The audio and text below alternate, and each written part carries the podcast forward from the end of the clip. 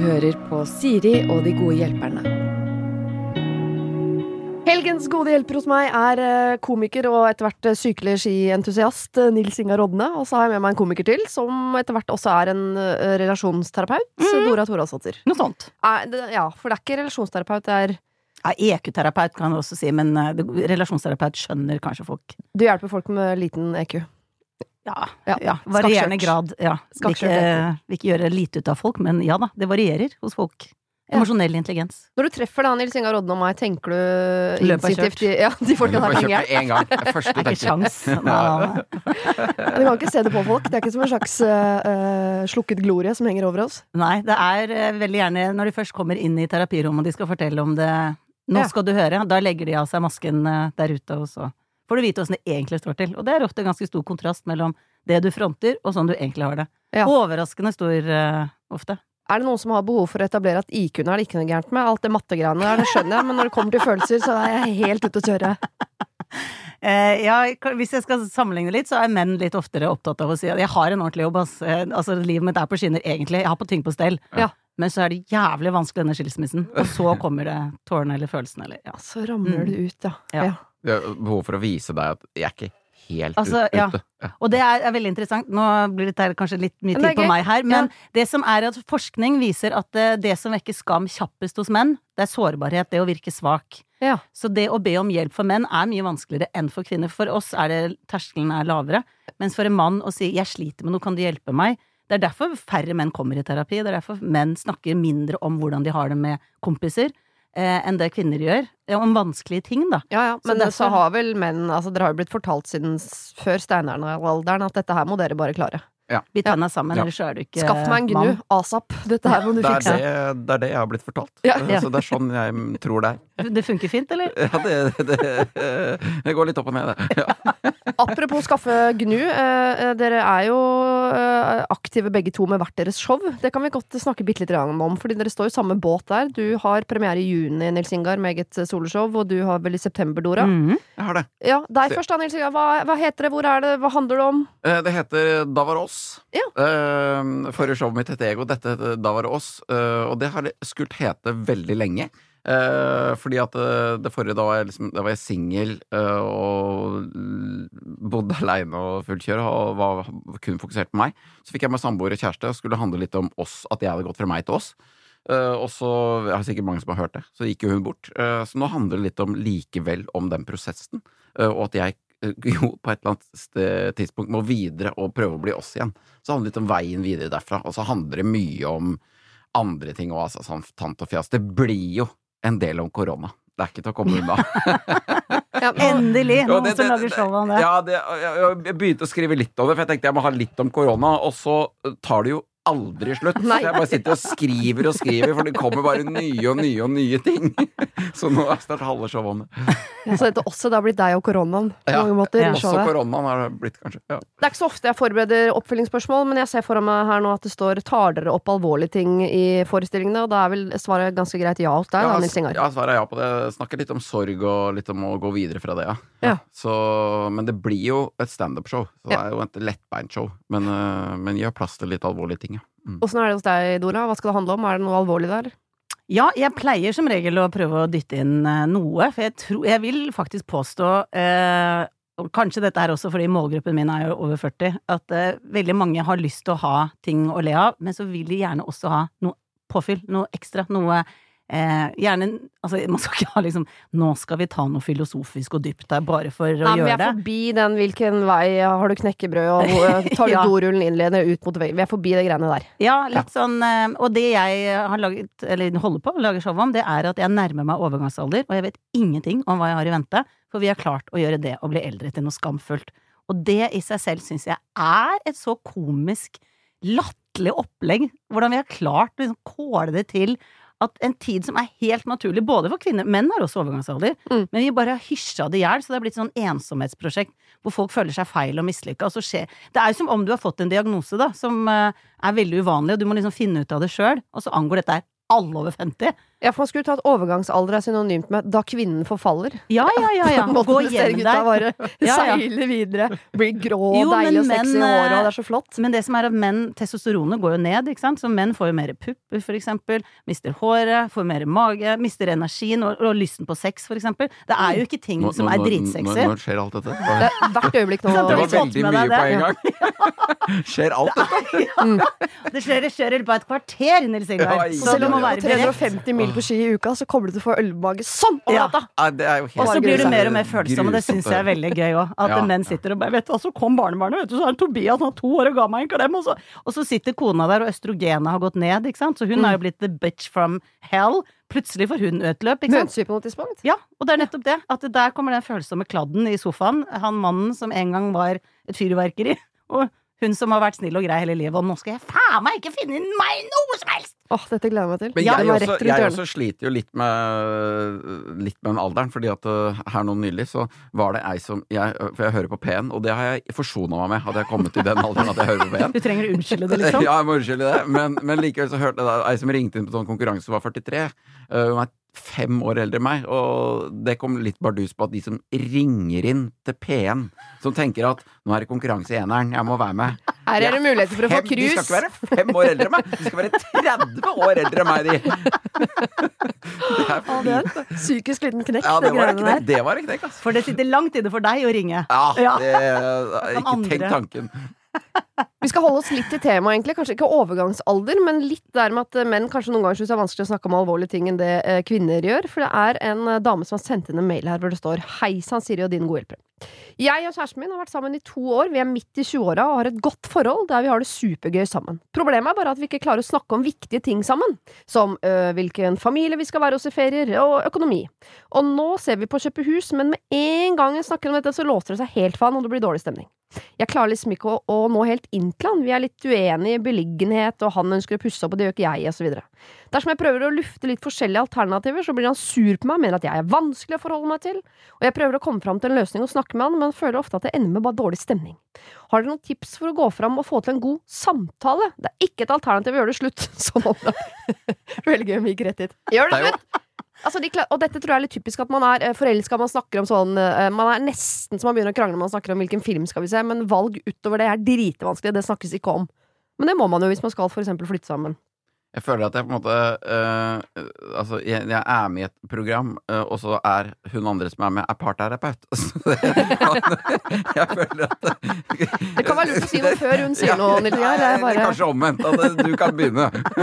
Nei, jeg tenker at dette her er liksom lett å lede fra, så nå er jeg ikke på jobb. Så skal vi bare skyte fra fast, da. men det Ja. er, det er fælt å si det, men dette her er jo en hun kan stille seg, trekke kølapp, liksom. For det er utrolig mange som opplever at det å ha samtaler som er utenfor den der eh, happy zone, Mm. eh, er veldig vanskelig. fordi at da føler veldig mange seg litt trua, fordi at de er gjerne på ukjent territorium. Og nå er vi tilbake litt til barndom. At den måten du blir møtt på som barn, er det plass til de liksom vanskelige følelsene, eller alvor, alvoret, da. Eh, Men kan man gjøre om dette til et happy room, eller? For det går jo an å se lystbetont på hvilke farger man skal ha på veggene, liksom. Eller?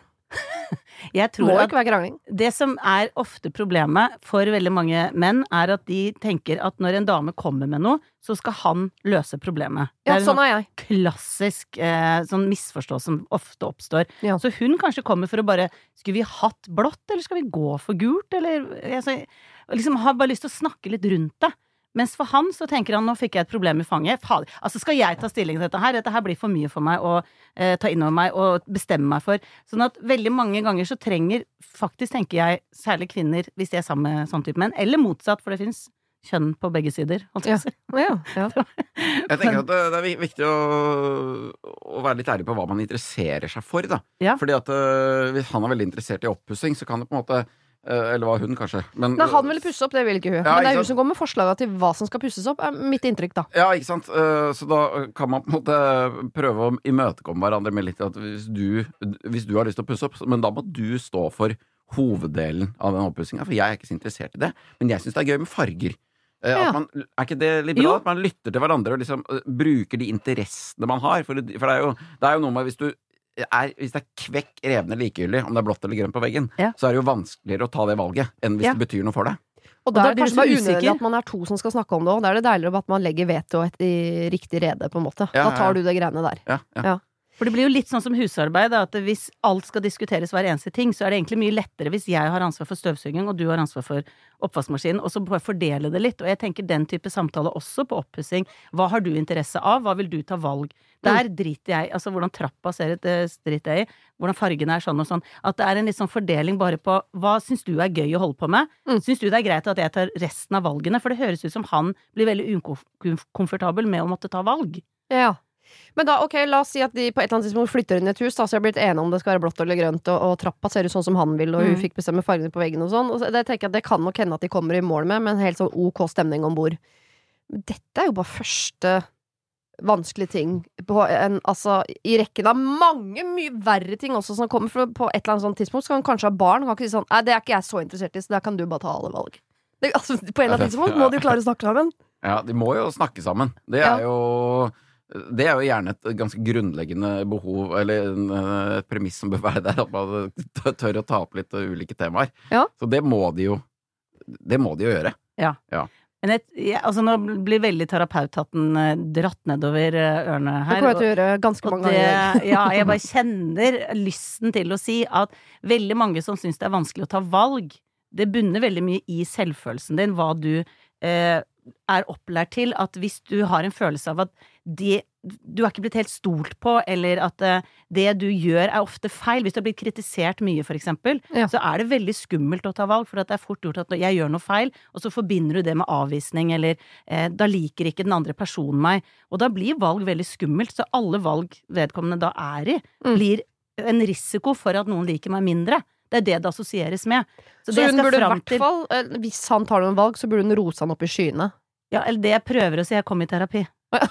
Fordi eh, det er der Velkommen til skoen en og en trykker. halv eh, times lang reklamekampanje for Men Men det er der det ligger. Ja. vi begynte jo litt uh, med hvor parterapeuthatten kan være langt godt nedover til uh, magen. Fordi uh, er ikke dette liksom et av de mest generelle problemene? Å Jo. prate sammen? Ja. Kommunikasjon. Ja. Kommunikasjon, liksom. Og så er det sånn at vi har alle en sekk på ryggen med fortiden vår, og så møter vi en annen person, og da er det som om de sekkene snus mot magen. Eller altså, det er som om du tar sekken din på magen, da. Mm. Og så er det sekkene som møtes. Sånn at hvis du har blitt masse avvist, da, og Mm. så sier kjæresten din du, nå er det bare jeg som går ut med søpla, gidder du å gå litt oftere? Så reagerer gjerne en som har blitt mye avvist. 'Å, du liker meg ikke!' Du, det er det jeg sier, du har aldri syntes Og så blir det en kjempereaksjon, Mm. mens den andre står og bare 'hæ, jeg snakker om søpla, hva snakker du om?' Og det er det jeg tror dette paret her også sliter litt med, at det blir større enn det det egentlig er. Fordi det er noe som føles eh, Det er noe gammelt grufs som vekkes til live. Men da er vel dette et ganske trygt, eh, en, en trygg arena å øve på til de litt større, vanskeligere samtalene kommer? At man kan tåle å bli litt uenig om blått eller gult osv. For det, det blir jo valg som er mer eh, farlige å ta på sikt enn akkurat det der fargevalget. Absolutt. Så er kanskje det er rådet? da? Ta dette som en øvingsarena. Og kanskje hun også må tåle at han blir sur, men eh, legge Ja. fram problemet på en annen måte. Si disse eh, valgene kan du ta, eller hvilke områder er du interessert i? Hvilke valg vil du ta? Kan jeg ta disse valgene? Og så videre. Ja, ikke minst. Hvilke valg har du lyst til å ta? Hva Ja. vil du være involvert i? Og Ikke fint noe, svarer han da. Ja, og veldig fint å anerkjenne. Det er liksom sånn Ja, men så fint at du kom på banen, og ja, men jeg setter pris på at du Ikke sant? Den derre Jeg heier på deg. For Ja. da trygges vedkommende litt i at Ho, det er, det er greit å si hva jeg mener her. Så får du jo øvd deg litt på barneoppdragelse òg, er det ikke fint? To fluer i en smekk. Det er så deilig. Ja, ja, ja, ja. Og før du veit ordet så er det mora hans, faktisk. Ja, det er topp. Dere, vi skal holde oss til oppussing. Jeg tematiserte litt sånn på morgenen eh, her, men nå handler det mer om bråk. Og det, jeg vet ikke helt om vi får løst akkurat dette problemet, men det er noe, dette er noe veldig mange går rundt og lurer på. Øh, I hvor stor grad kan jeg bli sur for, osv., når andre bråker. Ja. I dag ble jeg vekket av masse during og boring og bråk klokka ti på sju om morgenen på en ukedag. Jeg husket da med en gang at å, naboen skulle stort sett pusse opp hele huset i dag, og de håper å flytte tilbake igjen til høsten en gang, vil si at de fleste morgener så blir det bråk. Og jeg står opp cirka syv på grunn av jobb, men noen morgener så kan jeg sove til ni, og jeg sliter med søvnproblemer, så all søvn er veldig dyrebar for meg. Jeg blir livredd av tanken på at dette nå er mine morgener framover, hele sommeren utpå høsten. Så kan jeg be dem om å dempe seg? Kan jeg be dem om å lukke døra til huset, så støyen kanskje blir litt mindre? Kan jeg si noe i det hele tatt, eller må jeg bare holde ut? Hilsen Edith. Og dette er, det finnes sikkert noen regler på dette her, men det er jo noe med at øh, den man skjønner altså, Skal jeg holde ut at andre plager meg, eller skal jeg si fra om at nå plager du meg, og håpe at det skjer noe derfra? Hva ville du gjort, Nils Inga? Hadde du gått over til naboen og kjefta, kanskje? Eller hva hadde du gjort? nei, det hadde jeg, Jeg jeg det absolutt ikke gjort i det hele tatt. Jeg, hadde, jeg kjefter aldri på sånne ting. Nei. Eh, jeg, har, jeg har ganske dårlig tålmodighet, men det er først og fremst på mine egne ting. På vegne av sånne type andre ting så har jeg ganske god tålmodighet, For det, det er helt uaktuelt å ta den, den uh, konfrontasjonen der. Dessuten så syns jeg ikke det er noe gærent i å stå, ti, stå opp ti på sju, så jeg hadde stått opp. så har jeg blitt litt irritert utover dagen hvis det liksom er, er jevn during. Ja. Så hvis det holdt på over tid, så hadde jeg kanskje drista meg til å spørre i, i, I hvilket format fortsetter dette, denne duringa? Uh, fortsetter, skal den duringa være der et halvt år? Eller er det avtar duringa på et tidspunkt? Skal vi over på maling, for eksempel? Som Ja. er en mer stille aktivitet. For jeg skjønner at de blir lei av det. Det er jo Det er jo irriterende. Det er klart det er irriterende, men Ja. jeg sliter med å selv liksom tenke hva jeg ville gjort, fordi det er noe med at dette problemet eh, Du kan irritere deg så mye du vil, men det forsvinner ikke, fordi naboen kommer ikke til å si sånn Å ja, vi hadde tenkt å pusse opp, men naboen syns det er litt slitsomt med during, så vi bare skrinla hele prosjektet. Altså, det, det, det må dures hvis det skal pusses Ja. opp, og det kommer naboen De skal fullføre dette prosjektet uansett. Og da virker det bare litt håpløst for Edith. Skal man da gidde å, å fyre seg opp? Ja, det jeg sitter og tenker er eh, Det, er flere ting. Men eh, det som er at når vi sier ifra om noe som er vanskelig, så reduseres problemet faktisk betraktelig. Ja. Så bare det å få sagt noe Kan det aldri eskalere hvis naboen hater å få kritikk? Jo, jo, så det er måten å gjøre det på, selvfølgelig. Men Ja. det er bare noe med å stå opp litt for seg. For hvis du går mye på akkord med deg selv, så skjer det to ting. Det ene er at du mister energien, og det andre er at du mister gleden. Det er liksom når du finner ting du egentlig ikke syns er greit. Men så er det måten å si ifra på, og så er det det magiske ordet som en del mennesker i parforhold har litt anstrengt forhold til, og det er kompromiss. Ja. Eh, og det er noe med å for eksempel snakke med naboen og si ok, her er problemet, jeg vil gjerne sove til ni, jeg har litt søvnproblemer. Går det an at dere durer og durer og holder på, men at det ikke begynner at dere velger å gjøre andre ting, og så kan vi møtes litt på halvveien. Ok, halv ni, da. Hva tenker dere om det? Sånn at du, du kommer med et forslag til løsning. For Mm. med en gang man kommer med forslag til løsning, uansett problem, så er det mer sannsynlig at det skjer, enn hvis det er sånn generell klaging. Enig. Man må også komme med en løsning. Jeg ser for meg dette, hva tenker dere om det? Mm. Men man kan jo også tenke, eh, hvis, hvis jeg skal, nå skal jeg være vanskelig nabo, Edith kommer bort og sier dette, så kan jeg tenke sånn, jeg har hørt om ordet kompromiss, driver med det litt sjøl, med typen faen er jeg glad i. Deg, Edith, ikke fullt så glad i deg, aner ikke hvem du er. Kompromiss står ikke på menyen. Kunne jeg valgt å tenke. Ja. Så hvis jeg har lyst til å dure, og det er innafor Norges lover klokka seks om morgenen, så gjør jeg det. Ja. Kan jo naboen si. Det kan naboen si. Ja, men, Men- da er det jo som du sier, det er jo Mm. likevel, hun får jo likevel sagt ifra. Ja. Uh, og hun kan jo likevel spørre, uh, som jeg var inne på, dette med perspektiv, da, for det, er, det hjelper jo oppi hodet ditt å ha et visst perspektiv på hvor lenge er during. Når blir during maling. Når blir during maling? Jeg tenker også det. Det er liksom noe å ha Du er ser litt, jo noe frem til noe, ikke sant? det er Ja. litt sånn som korona.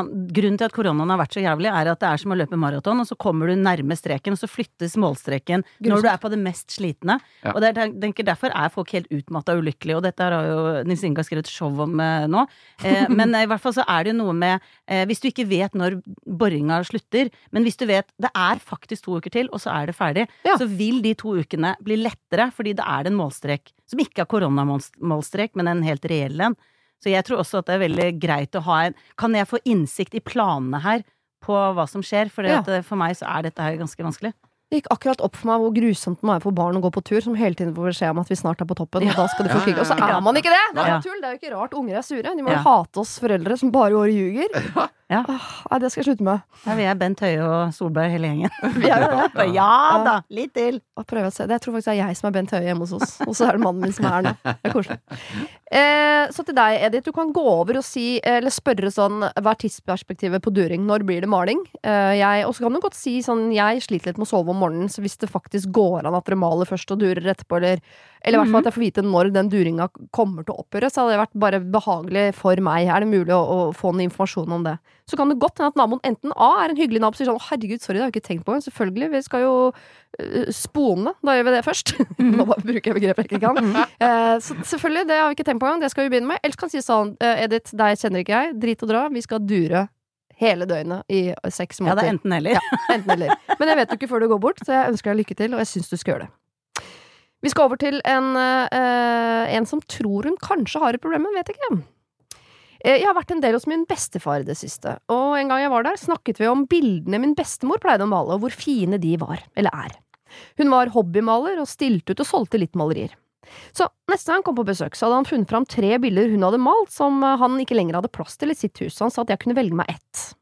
Jeg tok imot et bilde, og jeg ble kjempeglad, og jeg hang det opp i leiligheten min hjemme. I etterkant har jeg tenkt meg om og blitt litt bekymra for at mine søsken og søskenbarn kan bli sinte når de får høre at jeg har fått et maleri etter bestemor, uten at de har fått tilbud om det samme. I begynnelsen ble det ikke nevnt i samtalen med familie, rett og slett, fordi jeg ikke tenkte på det, og nå vet jeg ikke hvordan jeg skal si det eventuelt. Vi har andre arvekonflikter i familien, dog over større ting enn dette. Bildet i seg selv er ikke verdt mer enn kanskje 600 kroner på 90-tallet, ettersom det er priset. Er det jeg som skaper problemer ingen vil bry seg om her? Hvordan skal jeg si det til resten av søsknene eller søskenbarna mine eventuelt? Stor klem fra student, kall meg Kirsten. Ja, Skaper hun et problem? Ja, du. Eh, hun skaper jo litt et problem, da. Eh, I og med at eh, det ikke er et problem, så, så har hun jo skapt det. Men, men, men, men det er jo et spørsmål hvorvidt hun skal liksom ta høyde for at det kan bli et problem eller ikke. Ja. Uh, og det Det tenkte jeg at det trengte hun ikke å gjøre, helt til det sto at vi har andre arvekonflikter i familien. Ja. Da tenkte jeg at ok, da er det jo noen elementer her som er litt uoversiktlige.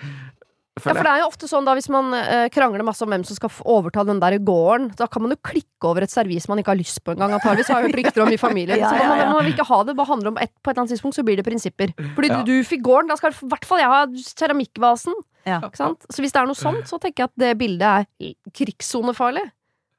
Jeg Det tenker jeg at det kan være lurt å bare være i forkant. For eksempel sende en mail til søsknene. Si, jeg vil bare si at da jeg var hos bestefar, sånn og sånn skjedde. Eh, er det greit Jeg vet ikke hva dere tenker om det, men jeg vil bare informere om det, fordi at det, det har, vi har jo en familie med mye greier. Sånn at det, dere, så ikke det kommer som en overraskelse på noen. Ja. Jeg har bare lyst til å si at jeg har et bilde her. Det er verdsatt på 900 kroner, og så da vet dere det. Fordi at da slipper hun Det som skjer hvis hun ikke gjør noe med dette her Hun har allerede en familie hvor hun tenker at dette potensielt kan eksplodere. Mm, det er en Eh, grunn til at hun spør, tenker ja, jeg. Og det er da jo tar det. dette For her dette hadde ikke jeg spurt om. Nei. Og så lenge noe tar plass, så er det veldig lurt å bare få det ut. Sende den mailen. Trykk 'send'. Ferdig. Nå, nå får de si 'å ja, det driter jeg i', eller vet du hva, de bildene der trenger vi kanskje å snakke om, for jeg syns flere av de er fine.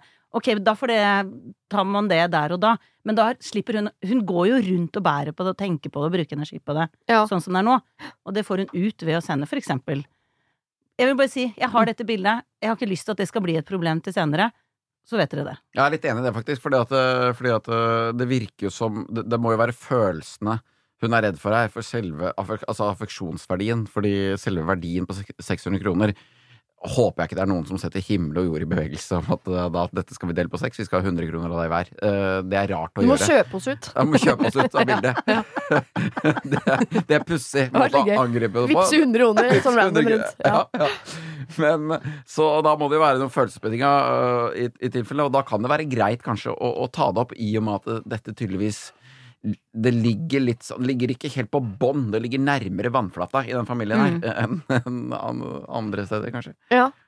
Jeg er jo enig i det. Altså, det er på en måte en, en fin eh, ting å gjøre for å forhindre et fremtidig mulig problem. Det, jeg er helt enig i det.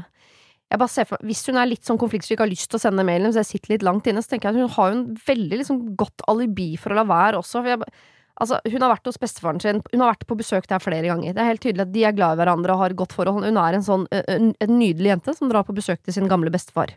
Og han har valgt å gi henne ikke et arv, han har valgt å gi henne et bilde i gave fordi han vil at hun skal ha det, for han syns det er koselig. Hun kom på besøk, roste bildene til hans avdøde kone. Så jeg, tenker, jeg tror det er ganske mye du kan si til de andre fetterne og kusinene og søsknene og sånn som ikke har vært på det besøket, antageligvis. Ikke har snakket noe særlig om de bildene. Altså, det er jo ikke, det er jo ikke en del av et arveoppgjør, dette her. Nei. Nei, men det er vel det å ligge i forkant i en familie hvor de fort hiver seg over og ikke liksom eh, få et problem i fanget senere. Eh, Ja. Og så tror jeg at arv handler utrolig mye om den gamle historien du har, av urettferdighet.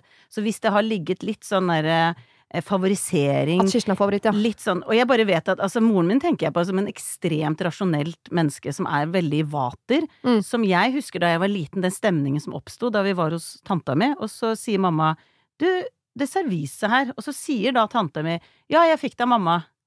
Og stemningen som da var, og, og ble tema etterpå sånn Ja, du fikk Ja, nei da, så da, da fikk du det, ja. Ja, for jeg fikk ikke noe ja, så. Og da blir den der Ja, nei, det er jo alltid deg som får alt det fine! Det ligger jo mye og ulmer hos mange. Det er ofte over serviset. Og det er, jeg tror ikke hun hadde lyst på det bestikkinga, men det var å ja, så igjen så er du favorittungen, liksom. Ja. Og det er det jeg tenker at hvis det ligger sånne ting, eh, så er det jo miner overalt her. Og det er Ja. derfor jeg er tilhenger av å bare få den mailen ut og ha sagt det. Sånn at ikke i 2025, når bestefar kanskje dør, eh, så kommer det maleriet, og da er det plutselig verdt 7,5 millioner i affeksjonsverdi. Og du sa ikke noe om det, for du stjal det, og så Ja. gratulerer. Det er jo vanskelig, veldig, veldig vanskelig å vite hva, hva mottakerne tenker. da For de kan jo tenke alt fra altså, Hvis du er massas bestefar, ta det Ja, ja. bildet. Det er jo Ja, kjempehyggelig ja. at du har det bildet. Mm. Til liksom Det skal bli krig! Skal du, Du har ha det alltid vært favoritten. Det henger du tilbake hos bestefar. Det skal henge der til vi deler når Ja. han passerer. Ja, ok. Gjør, altså jeg mener at du har alt på ditt rene i forhold til uh, at du har fått dette bildet, og det Mm. får være greit. For det er noe med å ikke uh, sy puter under armen. Altså, jeg prøver jo å lære barna mine også at det er ikke sånn at hver gang noen får noe, så skal alle få. Mm. For er litt, altså, jeg har en datter som klikker i vinkel som kommer hjem og skjønner at jeg har spist is med sønnen min. Så er det sånn Ja, men du var ikke hjemme. Ja, men jeg er jo hjemme nå! Mm. ja, men altså, det var et øyeblikk. Du var ikke der. Barn har veldig stor Ja. Og da rettferdighetssans. tenk, Hvis jeg skulle gitt henne is hver gang jeg, noen har spist is og hun ikke har vært til stede, så gjør vi jo ikke annet. Ja, ja. Så uh, jeg syns at Kirsten skal- kan kose seg med dette bildet. Men hvis du er i en familie hvor ting er, blir litt fort sånn ugreit, folk som kan klikke over et servis osv., så, videre, så kan det jo være liksom, som brannslokking i forkant. Bare altså, send en mail. Si sånn 'Jeg har fått et bilde. Setter veldig pris på. Jeg bare, så vet dere det. Aktig. De andre kommer til å føle seg dumme. Antagelig. Halleluja. Ok, et litt mer øh, potensielt ikke farlig problem, men her skal vi liksom øh, på andre siden av Norges lover, vil jeg tro. Her kommer et vanskelig problem, så det er fint at dere sier fra om når dere sender mail, så jeg vet det på forhånd. Mhm. Jeg har en venninne, kall henne Silje. Hun har en samboer gjennom flere år, og de har ett barn sammen. Silje har også en datter fra et tidligere forhold. Denne samboeren er det ingen av oss i vennegjengen som liker. For før dette forholdet så var Silje veldig sosial og med på det meste, men med en gang de ble sammen, så virket det som hun ikke fikk lov til å være med på noen ting lenger. Jeg og Silje hadde barseltid sammen, og jeg fikk henne med ut på tur, og hun fortalte meg at jeg hadde rett i mine spekulasjoner. Han ringte over 20 ganger i løpet av én gåtur for å høre hvor hun var. De få gangene vi er sammen, er det han som kontrollerer hva hun får drikke, og hvor mye. Han nekter å passe hennes datter fra tidligere forhold. Silje har eh, noe hun driver med en gang i uka, eh, og da må eh, hennes foreldre passe datteren eh, fordi han har ikke tid, for han skal game. Her er det mye som kunne blitt sagt, altså. Silje går i forsvarsposisjon hver gang jeg prøver å snakke med henne om dette. Så kommer problemet. Å ja, så dette var ikke Nei, problemet? Dette, er- dette er oppvarming. Okay. Dette er. Nå kommer Ja, problemet. For vi, har vi, er, alle, vi har slått opp med han for lenge siden. Nå sitter Ja. Og jeg og holder oss fast. Ja, ja, ja. Nå kommer problemet. Kolon, faktisk. I byen vi bor i, har det vært en stor og alvorlig sak i avisene om en mann som har tilstått en stor forbrytelse på jobb. Nå har det dukket opp mange rykter fra flere pålitelige hold, fra fjernt og nært, om at det er mannen til Silje. Jeg hadde mine mistanker sjøl, altså, uten at jeg sa det til noen. Silje har mistet mange av vennene sine ettersom hun ikke har vært sosial de siste åra, og det jeg lurer på er om jeg eller vi i jentegjengen da skal konfrontere henne med at det florerer alvorlige rykter rundt samboeren hennes. Eller skal vi la være å blande oss? Jeg tenker jo at jeg ville fått beskjed hvis det gikk slike rykter om min mann, slik at jeg kunne avkrefte eller hatt noen å snakke med. Det kan hende hun trenger oss, men ikke tør å si noe. Hun har heller ikke et spesielt nært forhold til sine foreldre, og tenk på stakkars barna i dette her, da. Jeg håper dere kan være med og veie for og imot. Med vennlig hilsen bekymret venninne. Altså, De er i utgangspunktet bekymret for henne pga. denne mannen, og nå er de enda mer, men de har egentlig kanskje ikke den tette relasjonen som gjør at det er naturlig at man går inn og hjelper til. Men skal man gjøre det nå? Det jeg har aller mest forståelse her, er eh, det som kommer helt til slutt. Hilset bekymret venninne. Mm. ja. Det må jeg bare si. Det, har jeg, det skjønner jeg at hun er.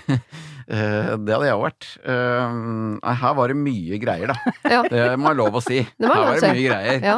Eh, Og et minefelt Hvor skal vi begynne? Ja, hvor skal vi, hvor skal vi begynne, altså? Uh, la oss begynne med det siste. Mhm. Uh, det virker jo som hun venninna her, som har sendt inn, er i stand til å ta opp ting med Silje. Ja. For de har gått tur, eh, Mhm. og hun har tatt opp dette med, med mannen, som jeg jo Det mener jeg er et ganske touchy tema, ikke mm. sant? Tematikk at han er kontrollerende og alt det der. Og da føler jeg også at det er helt innafor for henne, og virker som hun er tøff nok til å spørre om disse ryktene. Og når man er fordi- den ja. ene i flokken av hundre som ikke tør, men som faktisk tør, så ligger det et ansvar på dine skuldre. Ja, dessverre. Mm. Så øh, det kan nok hende at vi gir ansvaret til henne. Vi Skal snakke litt mer om det. Men hva tenker du, Dora? Skal Nei, jeg tenker at øh, hva er vitsen med å ha venner hvis ikke de øh, er, er der når det er tøft? Det er jo noe med å være ærlig om situasjonen. For det vi ofte gjør med venner, kanskje særlig jentevenninner, er at vi skal bare støtte hverandre uansett, og så tør vi aldri å ta de litt alvorlige samtalene. For vi skal bare ha liksom de gode sidene, på en måte. Alt det kosen, på en måte. Mm. Mens den derre eh, å sette seg ned med henne og si eh, Fordi at med en gang du sier hvordan du har det med det, så blir situasjonen mye mer avvæpnende med en gang. At jeg grua meg litt til å si det, jeg syns ikke det er noe lett, dette her, og jeg tenker at det er sikkert ikke noe ålreit for deg å høre det jeg skal si. For med en gang du sier liksom 'her er jeg', sånn har jeg det med det. Men jeg vil gjerne si at det går rykter om han, og jeg syns at det er litt dårlig av meg som venninne å liksom ikke si det til deg, at det, det er mye rykter om at det er han, og jeg lurer veldig på hvordan du har det i dette her. Mm. For da blir hun både en som bryr seg, og gir anledning til at hun venninna kan reflektere rundt dette her. Og viser også 'jeg er her for deg' også når det stormer, ikke bare når det er solskinnsdager. Hun er jo øh, Hun er jo ganske Hun, hun virker veldig bra. Hun, Mm. Det må jeg si, hun som har sett, sendt inn der. Hun, som sagt, hun er både i stand til å ta opp ting, hun lurer på dette her, skal jeg ta opp det? Hun står jo øh, ved siden av Silje som en bauta. Eh, Mm. Ganske mange hadde liksom hadde trukket seg unna dette her. Jeg gidder ikke ha noe mer med henne å gjøre, for hun har blitt annerledes. Han er så Han orker jeg i hvert fall ikke. Mm. Det der, det, det der vepsebordet der går jeg ikke inn i, liksom. Mens hun her, hun øh, skal ha for det. Hun, hun står der og har virkelig lyst til å hjelpe en god venninne. Eh, det syns jeg er bra. Men så er det å få signalisert det riktig, fordi tenker, hun har allerede sagt at Silje går i forsvarsposisjon hver gang eh, man har prøvd å snakke med henne, og det var før dette med det kriminelle og alt, det var bare når han virka som en litt sånn kjip fyr, Mm. kontrollerende fyr, ikke sant. Og det er ikke så rart hun går i forsvarsposisjon, for hun må jo på en måte forsvare det valget hun har tatt overfor den mannen og så videre, og kanskje hun er redd for han, eller hva vet vi. Og det er jo ikke helt utenkelig at hun kommer til å gjøre det igjen, når Silje nå, som er jo eh, fjernere Nei, når denne eh, innsenderen er jo fjernere Silje nå enn hun var forrige gang hun tok opp ting med henne Mm. Kommer på banen igjen. Så eh, jeg ser for meg at Silje kan komme til å tenke sånn å ja, du er bare her for å, å snakke om rykter, og du bare lurer på om mannen min er så dust som alle skal ha det til, og hun kan jo på en måte Jeg tror hun skal være forberedt på å få døra litt i trynet. Mm. Og da er det det fint hvis Silje litt, klarer å eh, stå i det en stund, sånn at hun kommer forbi den der forsvarsposisjonen til Silje, som jeg, jeg, jeg føler meg 99% sikker på at den kommer. Ja. Men jeg tror intensjon er viktig her, og hvis intensjonen er hvis eh, Silje merker at 'å, nå kommer du for å slenge dritt om kjæresten min', da går jo hele forsvarsverket opp, og så er- kommer du ikke inn, på en måte. Mm. Men hvis det er en intensjon om at 'jeg bryr meg om deg', hvordan har du det? Det går disse ryktene, jeg vet ikke om du har hørt dem, men det er jo litt dårlig av meg som venninne å ikke fortelle deg at det går rykter om dette her. Mm. Eh, hvor er du, hva skjer med deg, hva tenker du? Da er du en venninne som er der for venninna di, liksom. Ja. Enn at jeg er her fordi at jeg skal liksom fråtse i ryktene, og jeg vil dra ned den der eh, illusjonen om at du har en bra kjæreste, for tro meg, han er bare dritt. Det er noe helt annet. Da blir det Det er to veldig ulike samtaler. Ja, det, nå spør jeg bare, for jeg lurer på om jeg eh, ville gått fram på en måte som var sånn jeg, jeg har hørt disse ryktene, og jeg er ikke så opptatt av om de er sanne eller ikke. Det jeg er opptatt av, er hvordan du har det i det. For enten Ja. har han gjort det, Ja. det må være vanskelig, eller så har han ikke gjort det, og folk Mm. tror han har gjort det. Det må også være vanskelig. Mm. Og så tror jeg man må stå i det ganske lenge, fordi hvis Silje er en som har en, øh, er sammen med en kontrollerende mann, hun har et dårlig forhold til foreldrene sine, tenker jeg at dette er en jente som er vant til å øh, måtte klare seg sjøl. Og folk som er vant til å måtte klare seg sjøl, har store problemer med å ta imot hjelp. Så Mm. selv om venninnen kommer inn og sier sånn 'jeg Mm. er her for deg, jeg er bekymret for deg', så tror jeg Silje vil tenke sånn 'jeg hører du sier det, men jeg skal klare meg sjøl'. Eller at hun tenker 'åh, så deilig, det er en å lene seg på'. Ja. Kanskje en jeg kan være fortrolig med også, fordi at du, du viser mot. Som Singa var inne på her også, at, eh, at du tåler å stå i ting som er litt ubehagelige. Mm. Så da kan jeg liksom snakke med deg, og da har jeg en fortrolig, og, og da er du skikkelig god venn, altså. Så innsenderen her kommer veldig godt ut av det som en som bryr seg. Og jeg syns det var en fin måte å, eh, forslag til å ta det opp på, for da, da får du også liksom tatt hull på den ballongen om at eh, jeg veit at det går rykter, du veit at det går rykter, jeg veit at du veit at det går rykter, for hun det gjelder her. Hvis det, eh, det vil høres ut som det ikke er et så stort sted. Hun vet jo at det bygdedyret lever, Mm. Eh, så hun vet jo antageligvis at disse ryktene går. Ja. Jeg har vært veldig tydelig på at jeg bryr meg ikke om sannheten eller ikke. Den, Mm. for, det får du velge om du vil fortelle. Jeg er her av andre Mm. grunner. For Ja, jeg tror Silje kommer til å tenke at å ja, du er her for å finne ut av de Mm. ryktene, du. Mm. For hvor har du vært det siste året, egentlig? Eller sånn. Mm. Ja. Uh, ja, da blir det som du begynte med, egentlig, Nils Ingar. At uh, her er det en som må gjøre en uh, jobb. Og vi har jo blitt veldig glad i innsenderen alle sammen, så uh, Mm. ære være deg for at du står i det. Og nå må du gjøre litt til. Du skal gå og snakke med Silje, høre hvordan hun har det. Og så må du være forberedt på å få døra slengt litt i trynet. Så må du stå i det ganske lenge. Ja. Som den gode Jeg gir venninnen meg du er. ikke, for jeg er her. Har du et problem og trenger hjelp, ja, så sender du det til meg. Da bruker du Siri, alfakrøll, radionorge.no. Eh, Det jeg lurer på nå i koronatid, er hvor mye tid eh, dere har til å pleie eh, vennskap, og om dere har noen tanker rundt Har dere fått noen nye tanker rundt dette med vennskap i koronatid, hvor alt bare er vanskeligere? Ja. Eh, ja. Det blir jo til at uh, du har veldig klart livet ditt før og livet ditt nå. Ikke sant? Det er jo to veldig ulike liv. Og så tenker jeg veldig mange tror jeg nok går igjennom en liten prosess med hva vil jeg ta med meg av det gamle, og hva vil jeg ta med meg av det nye. Så du rydder i vennskap? Eh, det også, men også ser hva jeg savner, og det er faktisk å sitte og snakke med noen få, ikke masse folk, eh, ikke masse støy, men bare sånn eh, det å ha middager eller kafé, eller det å møtes, og ikke nødvendigvis være mange og sette av hele kvelden, men bare noen timer med noen få. Hvor mye jeg savner det, har gjort til at jeg er blitt mye mer opptatt av nå, når verden blir normal, så blir det veldig høyt prioritert, for det er det jeg savner mest. Ja. Og du da, Nilsi? Eh, nei, altså, man ser jo verdien av eh, en telefonsamtale i ny og ne. Ja. Eh, som hun fortsatt er, er lov. Så det eh, prøver han å få inn. Og så, eh, og så tror jeg på en måte at de, de gode vennene, de eh, Det som er deilig Jeg har vært i perioder før hvor man ikke har så kontakt, mye kontakt over, kanskje fordi folk har fått barn, driver med noe annet, og jeg jobber og tjoei. Så man har hatt en lang periode uten å ha kontakt. Men når man har kontakt igjen med de ordentlig gode vennene dine, Mm. så det er nesten som å skru på bryteren, altså. Det er min erfaring. Så jeg tror det kommer til å gå bra når vi møtes oftere igjen. Det er det jeg håper. Det har liksom Mm. vært min sånn uh, Jeg trenger ikke så mye sånn sosial stimuli selv. Kan gå veldig, veldig lange perioder uten noe som helst kontakt med noen. Uh, Men jeg håper at liksom man er litt sånn rause med hverandre, at i andre ender nå, så kom, når vi møtes, så kommer det til å være høyere grad av kvalitet, fordi man setter så pris på Mhm. Å kunne være sammen. Mm. Istedenfor å dømme sånn 'Hvor er du vært siste?' For det, den har man jo møtt noen ganger når man ikke har korona som verdens beste unnskyldning til å koste seg på egen hånd. At man kan være sånn raus med at man har vært borte fra hverandre, og klare å nyte øyeblikkene man er tilbake, da. Absolutt. Mm. Det blir så fin tid. Tenk deg det. Det blir bare lykke, harmoni og glede og peace on earth. Jeg har jo dette, som du har nevnt, dette skigreiene, vet du. Ja. Som på en måte er øh, på et ganske høyt nerdenivå. Som gjør at det, øh, da fra i sesong, da, fra januar og til mars, liksom, så har jo jeg levd mer eller mindre som vi gjør under korona de siste fem årene. Fordi da går man jo ikke på plasser med Man tar ikke kollektivt, man går ikke på plasser med mye folk. Man øh, spør venner, i hvert fall før man besøker de, er det noe som helst sjukdom. Og da har jeg hatt så kule venner at de skriver ja, det er noen som er litt snørrete. Ok, da kommer ikke jeg. Er det sant? Jeg har ikke tenkt på det, sånn er det jo en- veldig jeg skjønner at det om ikke to uker, så det gidder jeg ikke. så oh. så uh, ja, jeg har jo vært vant til dette her på en eller annen måte. Var det, Den overgangen der må ha vært litt vanskelig, fordi du har jo også en del venner som jeg tror aktivt driver med øldrikking innen eh, komikermiljøet, som antakeligvis syns det er en rar prioritering at du uh, ikke kan treffe folk engang for tilfelle de har møtt noen som er forkjøla. Ja, ja, ja. Det er en uh, det, det, det er en overgang, det. Men det blir lettere for deg nå på andre sida. Husker jeg stilte opp på, på, for et par år siden på boklanseringen til min gode venn Jonas Bergland.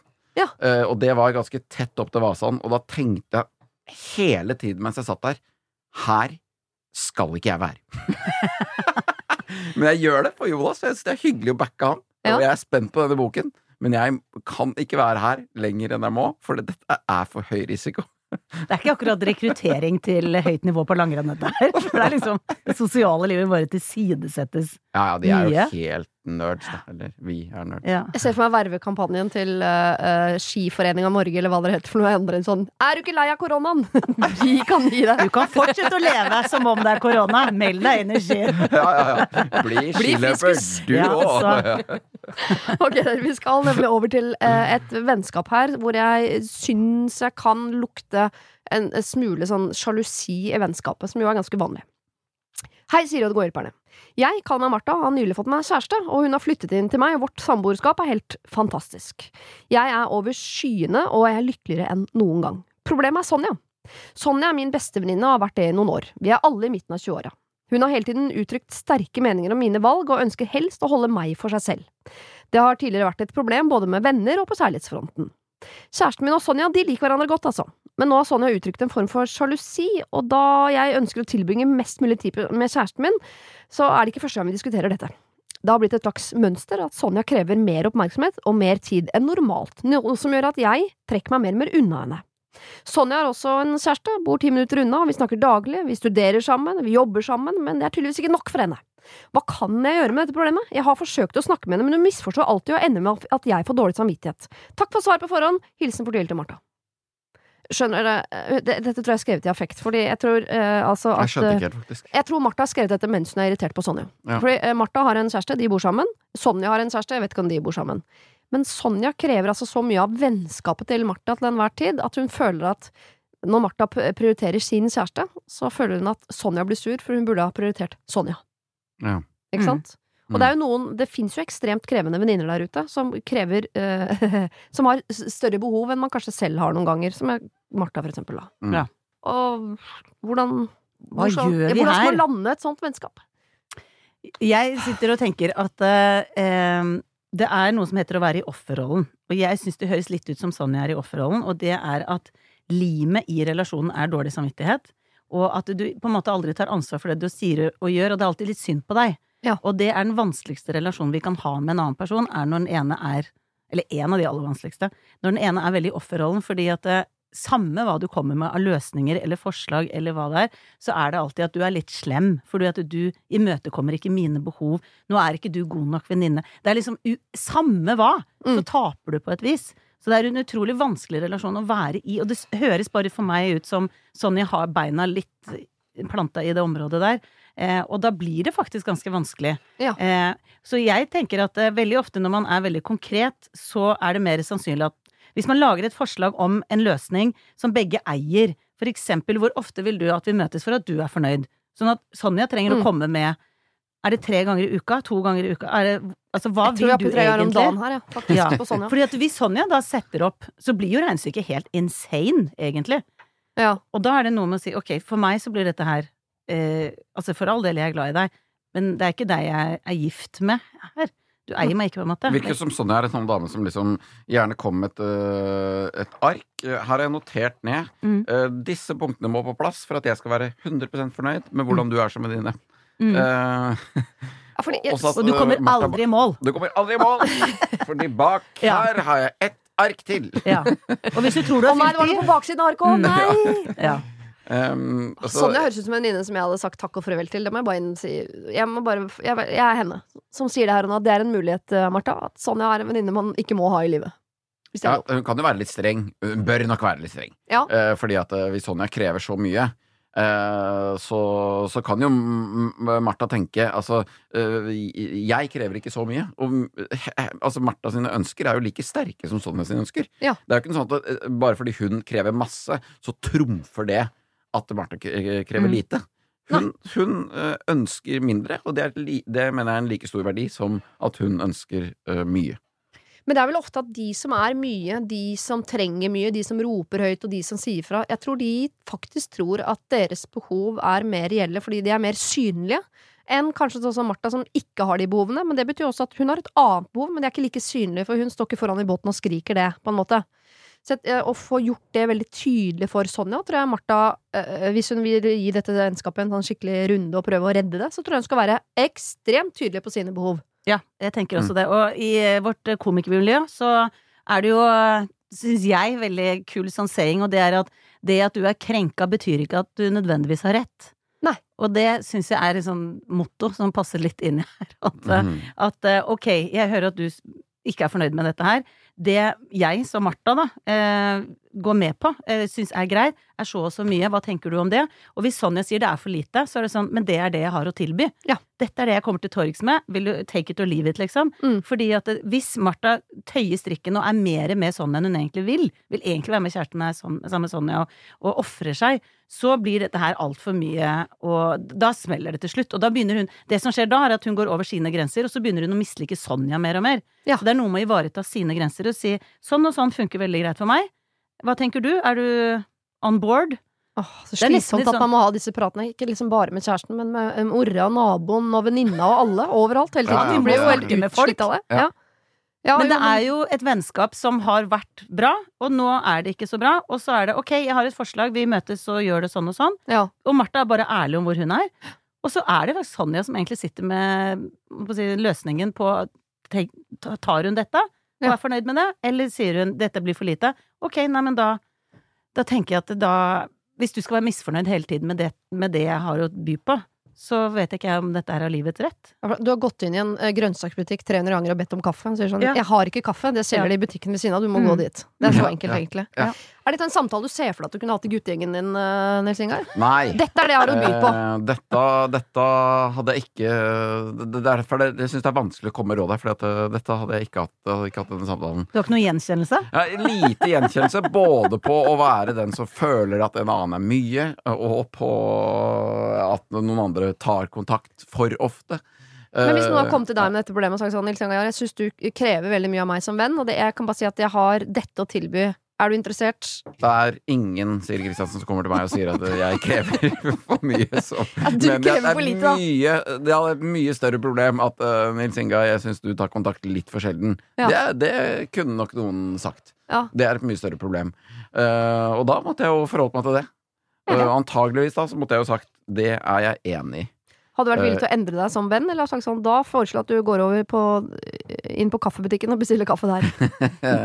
Nei, da, da hadde jeg nok vært villig til å Selvfølgelig hadde jeg vært villig til å endre meg litt. Jeg måtte jo Kommer litt måtte an på hvem som spør òg. Det kommer jo litt Mm. an på hvem som spør. Da. Om det er, liksom, om det er eh, de nærmeste vennene, så ville jeg jo selvfølgelig tatt det på høyeste alvor. Hvis det er litt mer sånn perifert, Ja. på en måte Du svarer ikke på de meldingene som jeg har sendt tre ganger, eh, Mm. og, og for vi møttes for tre år siden, og det syns jeg var hyggelig. Da, da hadde jeg ikke tatt, da hadde ikke tatt det så på alvor. Det hadde jeg ikke gjort. Grunnen til at jeg griller deg så mye på dette, er eh, at vi skal over til et problem eh, hvor vi prøver egentlig å i større grad hjelpe dere gutta. Vi har et samarbeid med Mental Helse og Ungdom eh, der vi prøver å få menn i snakk. For det er jo som du åpnet med i dag, Mhm. Dora, at menn har om behovet er lavere, det vet jeg ikke, men eh, Nei, det er i hvert fall det. vanskeligere for dere å be om hjelp. Så derfor så prøver vi nå å oppdra dere litt. At sånn, hvis dere ber om hjelp, så får dere hjelp, og dere får det her hos meg. Og også hos Mental Helse og Ungdom, da. Du skal få høre ukens problem her. Hallo, Siri og de gode hjelperne. Jeg har fått inn et problem som vi trenger hjelp til å løse. Eh, Stian skriver følgende. Jeg er i verdens beste forhold med min samboer, og i fjor fikk vi sammen verdens fineste lille valp som tilskudd til vår lille familie. I januar fikk min kjære samboer ny jobb, og han har derfor vært på kontoret hver dag. Jeg har studier hjemmefra, og er derfor alene med valpen hver dag. Problemet er bare at valpen krever mye oppmerksomhet gjennom dagen med tisseturer, mat, lek og oppmerksomhet. Jeg har ikke fått med meg en eneste hel forelesning fordi jeg hele tiden må bruke energi på valpen. Når min samboer kommer hjem på ettermiddagen, er han sliten, forståelig nok, og jeg får inntrykk av at han føler at jeg ikke gjør noe i løpet av en dag. Det eneste jeg har lyst til å gjøre når han kommer hjem, er å sette meg på et rom alene og bare konsentrere meg om alt jeg ikke fikk gjort, men jeg føler det er en forventning om at jeg skal fortsette å ha fullt fokus på valpen.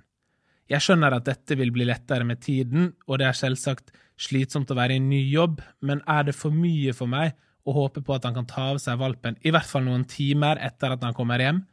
Hvordan bør jeg ta dette opp uten å høres ut som at jeg ikke setter pris på hans innsats i hverdagen, eller enda verre, at jeg ikke setter pris på tid med hunden? Jeg er jo bare sliten og vil ha litt ro innimot eksamen. Hilsen sliten valpeeier og lykkelig samboer. Nja Så skjønn! Ja. De har jo gått på det eh, koronasmellen, som vi kaller det. Fått seg valp nå i koronatid. Kan hende de hadde gjort det uansett. Altså. Så viser det seg at den det var mer jobb enn man har sett for seg. Det, det har vi hørt om alle. Det har vi eh, hørt om- Fra alle kanter. Ja. Jeg har hørt om det. det er vel, eh, denne problemstillingen er vel ikke helt ukjent når man får barn, eller Nei. Ah, det ligner veldig. Dette var mer enn jeg trodde, også hele tiden da, gitt! Ja. Skal du være her 24 timer i døgnet, sier du? Ja, så gir seg ikke klokka 50, ja. Nei. Ja, hva gjør man med det, da? Eh, vi har begge blitt enige om å få denne hunden. Ja, og da må jo begge ta ansvar for hunden. Eh, så, så, så enkelt er jo det. Eh, hvis man har en hund sammen i et samboerskap, så må jo begge ta et ansvar. Eh, men det, det er klart at det han nok sliter med her, er, at, er jo å få synliggjort hvor mye som gjøres i løpet av dagen. Ja. Ikke sant? Det er jo det som eh, Det er det som faller litt bort her. Så det må, det må synliggjøres på en eller annen måte. Eh, det tenker jeg at eh, er bra for han hvis han får gjort det. Ja. Og det er vel ikke noen annen måte å gjøre det på enn å fortelle det, antagelig. Jo da. Og det skal komme en politisk brannfakkel eh, her borte Oi. fra. Som er, dette er grunnen til at pappaperm fins. det, er- det er for at det dumme spørsmålet 'Hva gjør du hele dagen', da? skal falle bort. Ja, dette er grunnen til at dere har pappaperm. Er for at Ja. dere skal være hjemme en hel dag med barna. Så dere slutter å stille det dumme spørsmålet. Ja. Jeg tror Her vil jeg bare sagt sånn Du, eh, på tirsdag så ha, må jeg til månen, eh, eller Mars eller noe. Jeg blir borte 24 timer. Så du er, du er nødt til å ta valpen i 24 timer. Du ville ha gjort det. Det ville jeg gjort. Og så hadde jeg dratt. Ja, sånn, ja. Sånn at uh, samboeren kan føle hvordan det er å ha valpen. Ja, Sånn at han Ja. skjønner at å ja, det er sånn hele dagen. Ok, jeg skjønner, det er ikke bare jeg som er sliten når jeg kommer hjem klokka fem, det er antageligvis du også. Mm. Jeg Men- men du du samboeren- men ja. Samboeren har, vel har vel en jobb han ikke kan ha hjemmekontor på, tydeligvis. Fordi Hvis ikke så hadde han vel hatt hjemmekontor i alle, denne, kan, denne perioden. alle kan ha fri en dag. Ja, det er sant, det. Men Ja. samboeren kommer jo hjem på etter jobb, liksom, og er jo der hele kvelden. Og da, det er jo ikke som om valpen legger seg halv seks og sover til hele kvelden. Han må tisse på kvelden òg. Han må, jo- det er jo et krevende dyr uansett. Ja. Ja. Men jeg tenker at eh, det er jo litt trist å være i et samboerforhold hvis man sier at sånn og sånn opplever jeg det, eh, og så ikke blir trodd eventuelt. Altså, det det høres ut for meg er at han har et problem, men det er jo ikke blitt eh, formulert, det er jo ikke blitt sagt til samboeren at dette her er et problem. Det hørtes ikke ut som han Dette har jeg sagt gjentatte ganger, og det blir ikke hørt på. Det hørtes ut som det ikke er blitt presentert Ja. hvordan han har det. Eh, og jeg syns han formulerte så utrolig fint med at jeg opplever det sånn, og det er det jeg tenker at måten å si ifra på, er jo å si åh, jeg gruer meg litt til å si dette her, at det virker kanskje som om det å ha en valp og studere hjemme er veldig enkelt, men det er faktisk ekstremt krevende, og jeg er, ligger så innmari bakpå, og jeg lurer på om du kan, når du kommer hjem, helt greit om du vil liksom slappe av en halvtime og bare hente deg inn, men jeg vil gjerne melde meg litt ut for å ha litt fokus på studiene, fordi valpen tar så mye fokus, hva tenker du om det? Han, jeg syns måten han formulerte det i mailen var så fint, så hvis han får til det i muntlig form, ja. så tror jeg at det, det er ikke mer mystisk enn det. Og får man ikke til det, så er det vel lov bare å- å sende den mailen også til riktig mottaker, på mange måter. Jeg sier ikke at ikke vi er det, eller Mental Helse Ungdom, Mm. men det er jo lov å sende mailen hjem. Jeg syns mye god kommunikasjon kunne vært formulert i mail. Du, kan- du, du, du kan ikke sitte der og si at man skal sende mailen til samboeren. Ja. Eller sette på Jeg i et radioen. hjem, i et hjem der hvor mor og far sendte brev til hverandre, selv om de bodde i samme husstand, for å slippe å snakke sammen. Det gikk ikke så bra, det, altså, men Nei. eh, det fungerte jo en periode. Det er veldig gøy at du har dette programmet med den oppdragelsen. Er Der svaret er 'si det! Si det!' Ah, Jo, men vet, noen er gode i muntlig, og noen er gode i skriftlig. Og hvis eh, han her er veldig god i skriftlig, så syns jeg man skal få lov til å bruke det man er god i. Ja, Det kan jo være startemeldelse. jeg syns det er så vanskelig å si dette, for jeg vil ikke at du oppfatter det som kritikk av deg eller noen ting. Eh, Jeg syns det er lettere for, for all del, hvis det hjelper. Poenget er at det trenger å bli sagt. Ja. Jeg syns det er vanskelig å ha valpen hele dagen og studier, fordi det lar seg ikke forene med så krevende valp. Så derfor lurer jeg på om kveldene at jeg kan melde meg litt ut. Det som heter egentid. Jeg foreslår for eksempel to timer. Fra seks til åtte så melder jeg meg ut og er på soverommet. Hva syns du om det? Ja. For eksempel. Han kan for eksempel bruke det at eksamen nærmer seg som en slags sånn uh, katalysator, hvis han liksom har lyst til å flagge et eller annet. Mm. For jeg føler at det er et godt argument. Du, ærlig talt, nå begynner Mm. dette her å tikke veldig mot uh, denne eksamen, og jeg ligger bakpå på grunn av dette dyret på Mm. fire bein. Men det er ingen som mener at han da, fordi han må lese mot eksamen, kan for eksempel eh, rettferdiggjøre to dager aleine på hytta med lesing uten valp. Jo, Jo, altså. jo, jo. Men Ja. det er liksom Det er litt sånn krigserklæring etter å ha kanskje diskutert dette over lang tid og ikke blitt hørt. Da føler jeg det er sånn Nå skal du faen meg få føle på kroppen hvor jævla hardt det er. Ikke sant? At Mm. Det er litt sånn Jeg stikker Du veit ikke når jeg kommer tilbake engang. Så jævlig blir dette. Da har man liksom kapitulert litt. Det er en eller annen Nå lager du en karakter ut av min personlighet, og jeg skjønner at også jeg må ta EQ-terapi. For det hadde jeg gjort. Altså, men jeg hadde, gjort, jeg hadde vært veldig blid og kjørt på fersketing. Jeg drar på hytta, og sånn blir det. Kos dere hjemme, da! Og så hadde det gått. Psycho. Men, men først er det jo å ta opp problemet før du blir i Siri-modus, for det Ja. tenker jeg er liksom trinn. Hvis du tenker at dette er monopol, da, så er dette rådhusplassen, liksom. Når du Ja. stikker på hytta, skal du få kjent på åssen det er. Mens jeg vil liksom at du begynner på starten og, og tar noen prat, liksom. Å, jeg Det kan hende at samboeren sier ja, det skjønner jeg, det er veldig krevende, men hva? det er klart jeg kan ta valpen eh, noen timer på kvelden og ansvaret for det. Så er problemet løst. Ja. Det kan være. Kan Hvis ikke så blir du Siri, stikker på hytta. You never know when I'm back. Bæsjeposene ligger i gangen. Lykke til! Jeg har det i kalenderen min. Der står det en oppfølging som er eh, Finn ut av når du kan dra alene på hytta i noen dager. står i min kalender. Den er ikke felles. Ok, jeg skal skjerpe meg. Uh, uh, ta opp dette med din samboer. Få han til å forstå problemet. Og uh, klarer han ikke å liksom, forstå at du syns dette er vanskelig, så må han jo oppleve det på en eller annen måte. Og da drar du på hytta. Så jeg Ja. trumfer hele dritten jeg, og går for min måte. Vær så god. Okay. Det er to steg i planen, føler jeg. Ok, Dora og Nilsen, vi skal ut på en eh, liten eh, reise eh, som jeg har tillatt meg å eh, korte ned ganske betraktelig, for dette var en eh, slags roman jeg fikk tilsendt på mail. La meg ta dere ti år tilbake i tid. Eh, gutt, la oss kalle han Thomas, kontakter meg, jente. Vi blir gode venner, og gode venner blir gode venner med ekstra krydder.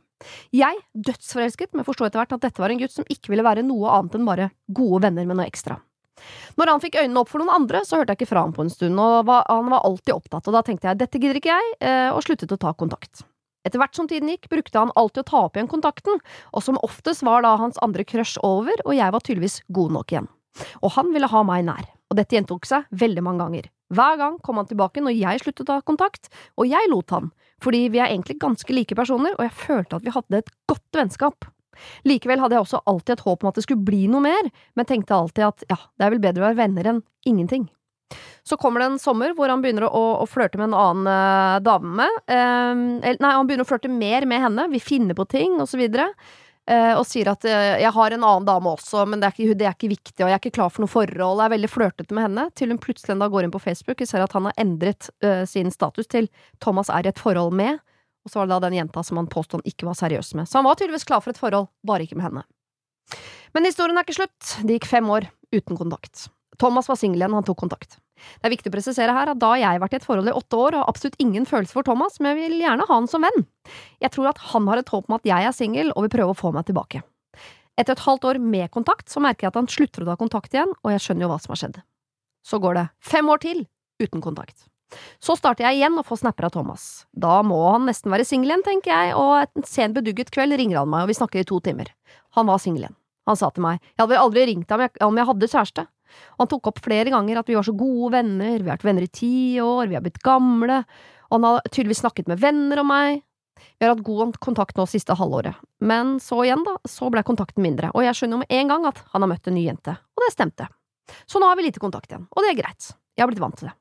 Men hvorfor tror dere han tar kontakt med meg igjen etter så mange år? Hva er det han vil, hvorfor gjør han dette? Jeg håper for hans del at han klarer å finne roen snart, han er en rastløs sjel og vil alltid være på eventyr, men han er for god til å bare bli en vandrer. Om dere har orket å lese alt, gratulerer, dere fortjener en medalje. Eh, dette er mange år med av og på, av og på, av og på, av og på, og det hun egentlig lurer på, hun vil ikke ha han.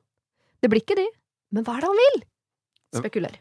Hun uh, fortalte ingenting om hennes historie der. Uh, har hun liksom alt, alltid vært singel hver gang hun, han har tatt kontakt, eller har hun liksom Nei, nå for fem år siden så hadde hun hatt et forhold i åtte år. Ja, okay, Og hun, sånn, ja. føler, hun tenker at de kan være venner, men Ja. det er jo ikke det han egentlig vil. Han er jo på en måte uh, Det er jo alltid digg å ha en Grandis i fryseren hvis det ikke er noe annet å spise hjemme. Godt sagt. Ja. Det, Eh, skjønte alle ja, det med en skjønte gang. alle med en gang, ikke sant? Det er ikke Men det er ikke noe moro å være Grandiosa. Nei, det er akkurat det. Hun er jo Grandiosa. Mm. Eh, og det er jo ikke noe god følelse. Nei. for da bare ligger du der på vent, ikke sant? Til Mm. det ikke er noe annet å bite i. Ja. Og det, det er jo en kjip følelse, men det er jo kjempedigg for han. Eller det er jo det han vil, liksom. Han Mm. ønsker jo det, og syns hun er superålreit. Som venn med noe attåt, som det skrives. Ja. Men ikke noe forhold. Mm. Ja, bare for å bruke det bildet videre, så er et Grandiosa-måltid nydelig for de som, som spiser Grandiosa, men for Grandiosaen er det ikke noe særlig. Nei. Nei, sånn isolert sett. Nei. På mange måter så blir hun behandlet som en elskerinne. Som når, Ja. Altså alt er på hans premisser.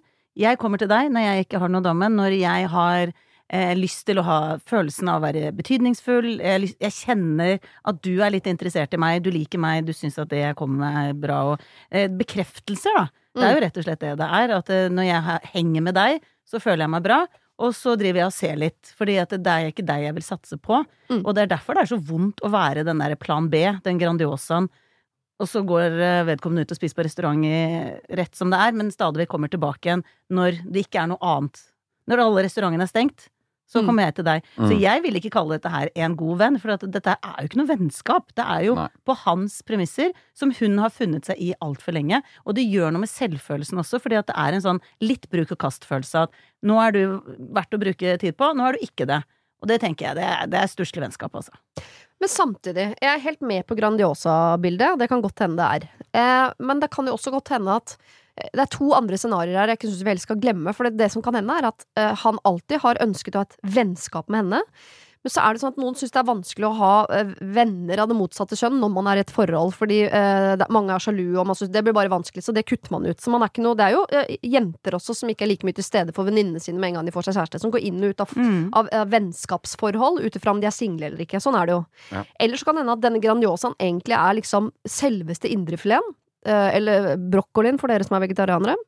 Uh, at han er ute og spiser Grandiosa, men er redd for å, å på en måte etablere seg, så han tør ikke å sette tenna i liksom indrefileten, for da vet han at da hun er den rette for meg, da må jeg etablere meg, da må jeg på en måte låses i lenker og alle de tingene der. Kan jo hende at de egentlig er perfekte for hverandre.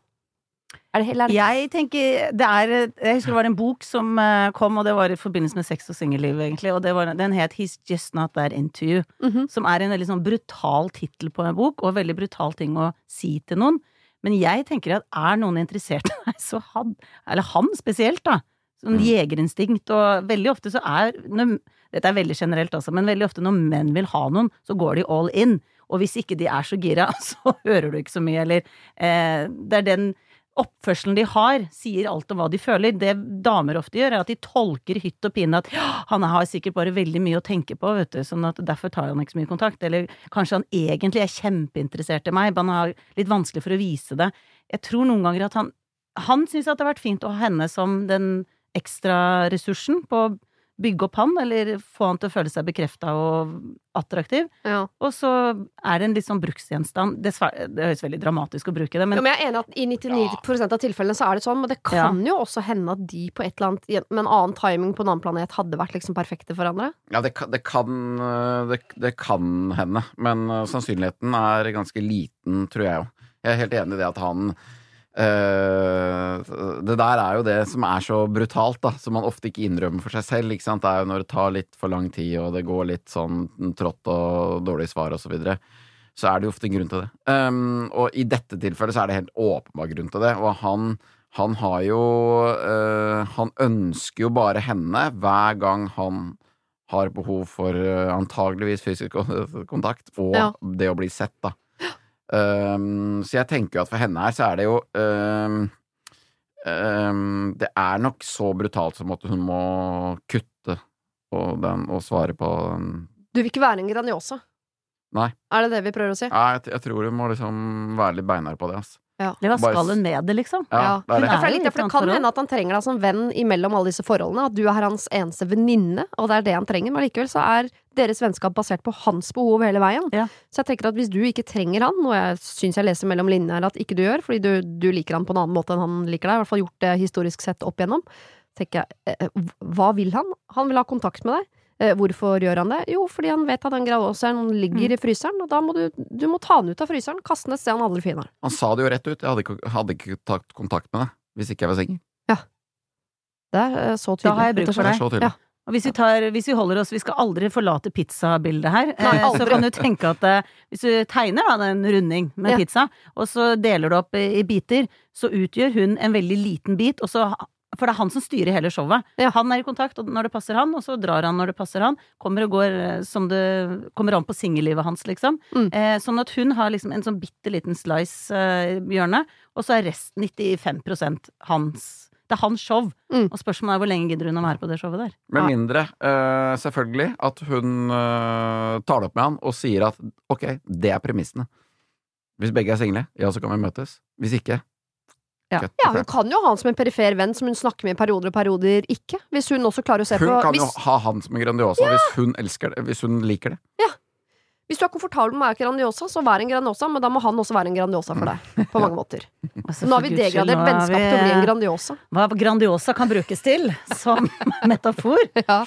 Den ville ha trodd? For å forsvare metaforen så må jeg bare si at Grandiosa er faktisk noe av det aller beste jeg vet i hele verden. Denne episoden er sponset Ja, det, kunne- det burde den absolutt vært. Ring meg.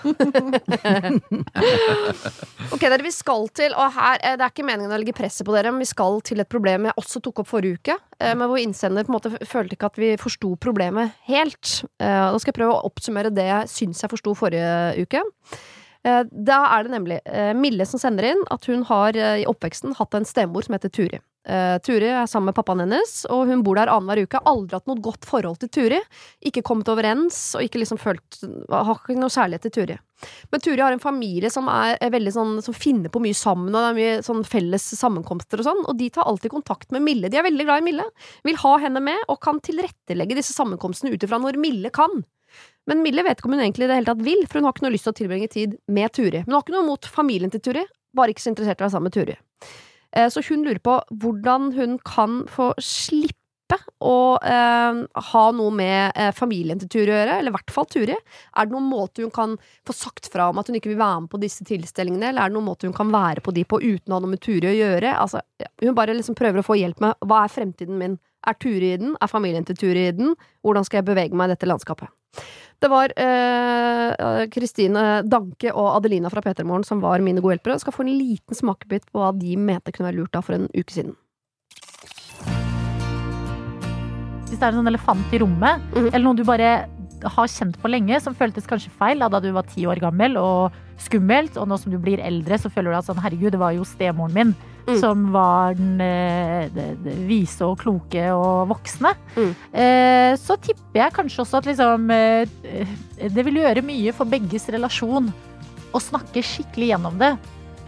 Um, og så kan det hende at situasjonen i dag er helt annerledes, og at relasjonen er helt annerledes, og at sånn sett relasjonen egentlig ikke fortjener å bli dømt i lys av for ja, hvor mange år siden, da? 20 år siden, si det, da. Det jeg lurer på, da, som gjør dette med å ta det opp litt mindre aktuelt, det er jo ønsket om å beholde avstanden. Fordi at her er det jo et, det er jo et ønske om å ikke eh, bli nær, på en eller annen måte. Men tror du ikke det ønsket om den avstanden handler om at uh, ubehaget kommer når man er i nærheten? Jo, når man er på det, avstand, så er det ikke ubehagelig. Og jeg mener at jeg har alltid tenkt at dialog er det eneste rette. Man skal alltid snakke om ting, og selvfølgelig skal Mille og Turi snakke sammen sånn, men jeg tror, eh, helt til jeg gikk til en psykolog en gang, jeg også, som sa sånn Det er ikke alt man skal snakke om, for en, en fortid får du ikke alltid gjort noe med. Jeg syns hun skal prøve å ta det opp på en eller annen måte først, men hvis hun tar det opp og ikke blir tilfreds med løsningen, eller hva jeg skal si, så er det jo fortsatt da et alternativ å velge å ha Ture i livet sitt. Bare sånn OK, jeg, du kan godt være der jeg er, vi kommer aldri til å bli venner, men jeg har veldig lyst til å være venner med resten av familien din. Ja. på en måte. Jeg tror, Selv om det er ukomfortabelt, er det bare verdt et forsøk. da, å Prøve å ta det opp på en eller annen måte som føles riktig og føles eh, eh, ærlig. Siri og de gode hjelperne. Ja. Og fått ny da mail fra eh, denne Mille, som nå prøver å presisere litt. Hei igjen, tusen takk for at du tok opp problemet. Eh, det var nyttig å lytte til hva folk utenfra tenker om meg selv. Eh, det var mye fokus på kommunikasjon da dere tok opp mitt problem, og dere syns det beste er at jeg tar opp dette med Turi, så jeg klarer å nyte disse samlingene med hennes familie. Jeg gikk jo ikke i detalj i forrige mail, så jeg skal prøve å fatte meg korthet her. Problemet er at jeg rett og slett er redd for Turi og hennes autoritet. I mailen skrev jeg at hun ikke var noe grei med meg som barn, og det innebar mye kjefting og mye smelling i mange år, spesielt da faren min ikke var til stede. Hun tok meg med inn på rommet mitt, ga meg kjeft for de minste ting før hun buste ut og smalt igjen døra. Hun ga meg ofte dårlig samvittighet også, både for ting jeg hadde gjort og ikke hadde gjort. Jeg fikk ikke ha alenetid med pappa, og hun godtok ikke at mamma og pappa hadde noe særlig kontakt med hverandre, og det gjør hun heller ikke i dag. Hun har selv et eget barn fra før, som hun forventet at pappa skulle være en god stefar for, noe han var og er. Det var altså en lang og tung tid for meg, sikkert også for Turi. Men eh, at hun nå er overblid og later som alt er rosenrødt, gjør meg bare irritert. Pappa ønsker ikke å ta opp dette med Turi igjen og rippe opp i gamle sår, fordi han tror at hun vil bli sint, og dette sa han til meg for et par år siden. For meg er det altså ikke et alternativ å skvære opp med Turi, da hun ødela mye for meg og gjorde meg veldig usikker på meg selv. Men familien hennes er en fin gjeng, som jeg gjerne vil opprettholde kontakt med. Problemet er som tidligere skrevet, at det medfører kontakt med Turi. Så eh, takk for at du eh, tok opp problemet, digger podkasten osv., men jeg syns du skal få en ny runde, for nå er det litt mer klart for meg. Hun vil ikke egentlig ha noe med særlig med Turi å gjøre, hun vil ikke eh, skvære opp med Turi, men hun vil gjerne ha noe med familien til Turi å gjøre. Fins dette magiske rommet Ser du det for deg, Nils Ingar? Ehm, Det ser ut som Lins- Jeg vil si kroppsspråket til Nils Ingar Ja. ser ut som han har mista all livskraft. ja, det var liksom det, det var Jeg har anstrengt meg for å, for, å forstå relasjonene her. eh, Og for å henge, det henge med på hele jeg problemstillingen. Har du sett den filmen der Matt Damon er på en annen planet, hvor han er litt sånn uh, i uvisse i starten der? Ja, det er der der, er jeg, er Der der er jeg er nå. Ja. Jobber meg liksom gjennom jeg, jeg, jeg, jeg, jeg, jeg må se for meg dette hageselskapet. Ja. Turid ordner noe der, og, og, og griller noen pølser, kanskje. Eller hun styrer litt rundt. Det er stefar som griller pølser, selvfølgelig. Og Mille kommer inn. Hvordan er denne settingen? Det er det jeg liksom prøver å tegne opp et bilde. Legg på litt sånn hakkete filming av noe dansk sjargong sjargong i bakgrunnen, så er vi der. Ja, ja, ja. Og hun går bort og sier sånn kort eh, hei til oss, til Turid, og så går hun og har det kjempefint med resten av familien. Som hun er så glad i. men fins denne muligheten? Fins den muligheten? Det er, det er øh, spørsmålet. Og jeg, jeg tror hun da må liksom Hun må nok eh, For, det, for nå ligger det jo ikke en mulighet for å ta det opp med Turid, ikke sant? Det, det, vi har lokka den døra. Ja. Uh, fordi det kommer ikke til å hjelpe, og, og da må hun erkjenne for seg selv at uh, det, kommer til å være vanskelig at Turid er der. Jeg må forholde meg til at hun er der, og det kommer til å være vanskelig. Men jeg må bare prøve å jobbe meg over det for hvis jeg skal være sammen med resten av familien. Det er prisen å betale for å være av, sammen med resten av familien. Hvis ikke så må hun jo Så det kommer aldri Droppe. til å bli 100 lykkelig. Hun kan være til stede på disse festene, men det vil alltid være en sånn 15 skurring i, i sidesynet der, fordi Turi er til stede. Ja, jeg tror det, med sånn som hun beskriver den barndommen, så er den så, så vanskelig at, uh, at uh, hun kommer ikke hun, Altså, hun, hun klarer ikke å glemme det helt uten å, uten å ta det opp, som ikke er, er et alternativ. Nei. Men her har vi jo ut, ut, utdanna Her har vi utdannede folk øh, med oss i dag, i Dora, så kan For her er alle dine favorittingredienser, Dora, til en nydelig gryte. Vi har barndom, vi har stemødre, vi har Ja, eh, ja, kjefting, ja, og sånn. samvittighet, fest og moro. Det er no pressure, liksom. Nå kommer fasit. For Eh, du, du liker å gå inn og røre rundt i denne grøten. Se hvordan man Men vi har får noe ut av dette. Jeg har ville ha samla alle sammen i en stor gruppeterapi. Det hadde vært så fint. Men vi har strippet deg for et veldig viktig verktøy, Dora. For jeg regner med at du vanligvis ville sagt at her må noen snakke sammen. Turi og Mille må bli venner, men det verktøyet har du ikke, for det har, Turi, det... det- har Mille tatt bort. Og det, nå kommer jeg til å være litt eh, hard og streng, og det er at jeg kan sammenligne dette her egentlig med et kjærlighetsforhold. Ja. Hvor du er sammen med en person som er utro, og som av og til fiker til deg, og som eh, kjører over katta med vilje. Altså, det, er ikke noe bra relasjon. Eh, I et parforhold, da. Og så eh, er du veldig glad i er bra? Fins det, eller du var så tydelig på å, å si at det det ikke er er en som har gjort veldig mye kjipt mot deg. Du Ja. har brutt tilliten. Ja. Det er en person som har gjort masse som eh, Du har svelga mange kameler, så den kamelgården du har inni deg, er relativt sprengfull. sprengfull. -hmm. Ikke sant? Sånn at nå er det i nærheten av det mennesket, så åpnes alle portene, og alle kamelene løper ut. Og det er liksom Det minner om mye kjipt. Men det er akkurat som å være i et forhold med en som er kjip mot deg. Så vil du bevare liksom familien hans, for eksempel. Eller hennes. Ja. Svigerfamilien, for de er så ålreite. Men det som er litt brutalt å si, er at hvis ikke det er mulig å reparere eller få ut de følelsene med eksen, da, hvordan ting var, eller i dette tilfellet eh, Turi, så kan du heller ikke få familien på kjøpet. Fordi at da er jo Turi slash eksen der og minner om alt dette kjipe. Sånn at enten så får du si at eh, jeg vil gjerne treffe dere i familie, men da vil jeg gjerne at Turi ikke er der. Som jeg tror er en sånn Nei, samtale ikke. som er det, er det er mye som er no go her. Ja, det er rart. Men jeg Mm. kan ikke helt skjønne hvordan hun skal være i en setting med familien til Turi, og så er Turi der, og så skal vi late som Altså, det blir et spill, det er, det er fake, det er Det blir ikke ekte, dette her, og veldig vanskelig for henne, det er et minefelt og masse gamle følelser. Så jeg tror at, sorry, den svigerfamilien, på en måte, da, som hun har hatt, den er ikke forenlig når Turi er der. Men de, denne familien til Turi er jo nå også familien til pappaen til Mille, så det er jo i utstrakt forstand Mille sin familie også. Så jeg mener at det må være Jeg har da vært i nok familieselskaper, og for så vidt vennefester òg, hvor det er én i rommet jeg ikke har noe god relasjon til. Det, må jeg innrømme. det, går, det går fint å overse én hvis du kan hygge deg med de andre 15. Hun Ja, kan det, det, ja. det, det tenker jeg at hun kan, men, og det går jo an å plukke Eller det, det vet, vet vi jo ikke om hun, om hun kan gjøre, men hun kan jo prøve å plukke familieselskapene litt, da.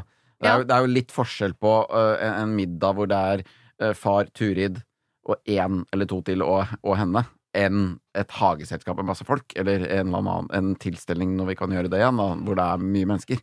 Mm. Da, går, da, da blir det jo en litt sånn løsere stemning på det enn det er rundt et middagsbord med Ja. seks personer, liksom.